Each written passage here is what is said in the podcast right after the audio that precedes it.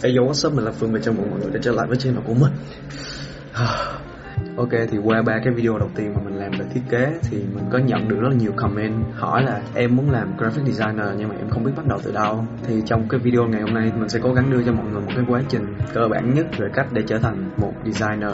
Những bước mà mình đưa ra ngày hôm nay thì nó có thể áp dụng được cho rất là nhiều ngành nghề của thiết kế như là graphic design, fashion design hay là cả architecture cũng có thể xài được những cái bước này ít hay nhiều? Bước đầu tiên nha, đó là học căn bản. Có vẻ cái câu này mọi người nghe rất là nhiều rồi, nhưng mà kiểu muốn làm cái gì thì mình đầu tiên phải có căn bản chứ. Và cái đó lúc nào cũng đúng hết á. Nếu mà bạn muốn chuyên sâu về một cái gì đó, thì chắc chắn là phải nắm vững căn bản cái đã. Mình lấy ví dụ thôi thiết kế cũng giống như là mình học ngôn ngữ mới vậy thì đầu tiên á, muốn học ngôn ngữ mới giống là như tiếng anh thì bạn phải biết là ngữ pháp của nó là gì đúng không? Bạn phải học từ thấp lên cao.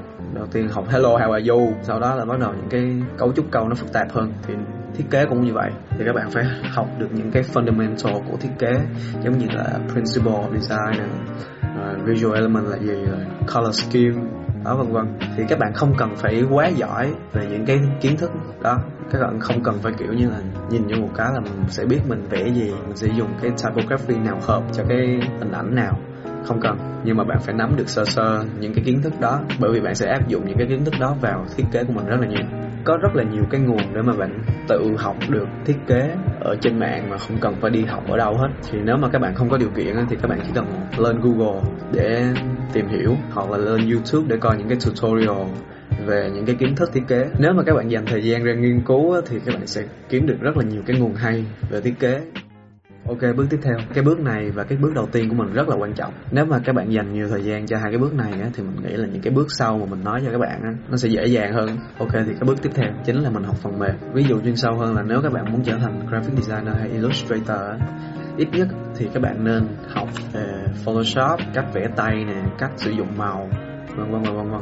Ok, bước thứ ba thì sau khi mà bạn đã biết được cơ bản, rồi bạn nắm vững được cái công cụ của mình rồi, thì các bạn hãy bắt đầu làm làm gì cũng được làm một cái poster nè dựng một bộ phim nè vẽ một cái hình minh họa.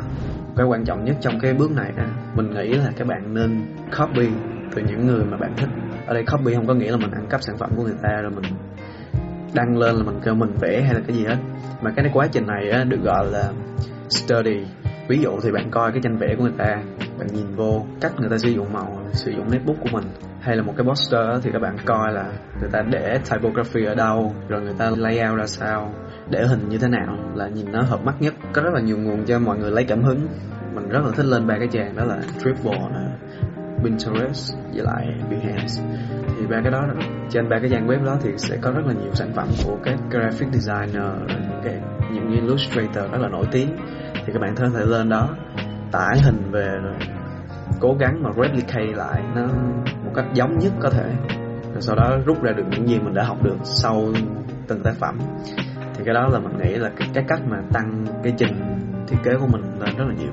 Ok bước 4 thì nó có thể cần hoặc là không nhưng mà mình nghĩ là các bạn nên kiếm một người mentor thì như vậy để làm gì?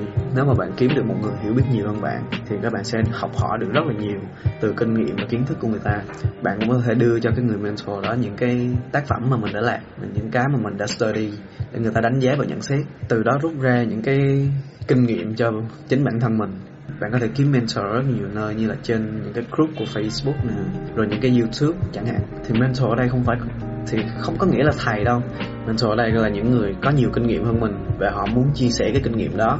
Đó, vậy thôi. Cái đó phụ thuộc vào may mắn cũng khá nhiều á, cho nên là có thể có hoặc không thì cái bước này không cần thiết lắm. Nhưng mà nếu có thì sẽ tốt hơn. Và bước thứ năm, sau khi mà bạn đã có những cái tác phẩm cho riêng mình rồi có những cái đánh giá nhận xét từ người khác rồi mình muốn bạn phải tạo ra một cái portfolio. Portfolio là đại loại là những sản phẩm tốt nhất của mình.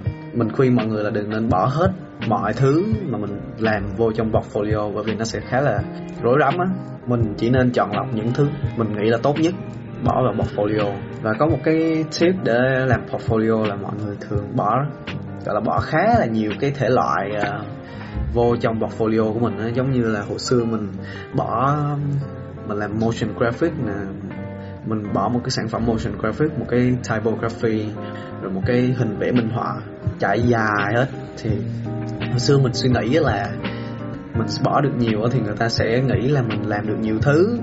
Mình vừa có thể vẽ, mình vừa có thể thiết kế poster, đúng không? Nhưng mà thật sự những cái nhà tuyển dụng người ta không quan tâm là bạn làm nhiều hay không. Và người ta chỉ quan tâm là cái lĩnh vực mà người ta đang cần á. Thì bạn làm có tốt hay không? Người ta kiếm về vẽ minh họa. Bạn vẽ được một hình minh họa, rồi sau đó bạn làm được rất nhiều thứ còn lại. Nhưng mà cái hình minh họa của bạn á, nó lại không có gì quá nổi bật á, thì người ta cũng sẽ không quan tâm những thứ còn lại. Okay.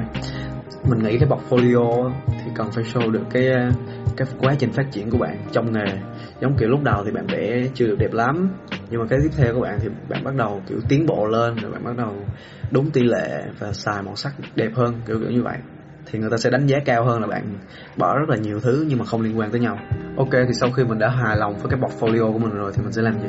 Đó là apply internship cho những cái công ty mà bạn muốn làm trong ngành. Thì tùy mọi người thôi, mọi người muốn làm về chương trình tv hay muốn làm về event, thì các bạn hãy kiếm những cái công ty, những cái agency làm về điều đó và apply vào. Cái quan trọng trong cái internship này không phải là về tiền hay là về vật chất, mà là về kinh nghiệm. Các bạn làm intern cho một cái công ty thì các bạn sẽ học hỏi được kinh nghiệm của người ta qua những lần mà người ta giải quyết những cái brief của client hay là những cái khó khăn những cái vấn đề trong quá trình thiết kế. Các bạn có thể hiểu thêm về teamwork thì việc mà làm trong một cái công ty bạn phải giao tiếp với rất là nhiều người, làm chung trong một cái project, thì các bạn sẽ phát triển được cái kỹ năng giao tiếp và làm việc nhóm. Và hơn đó, hơn thế nữa là các bạn sẽ tạo ra được rất là nhiều mối quan hệ mà sau này sẽ giúp ích cho bản thân mình rất là nhiều.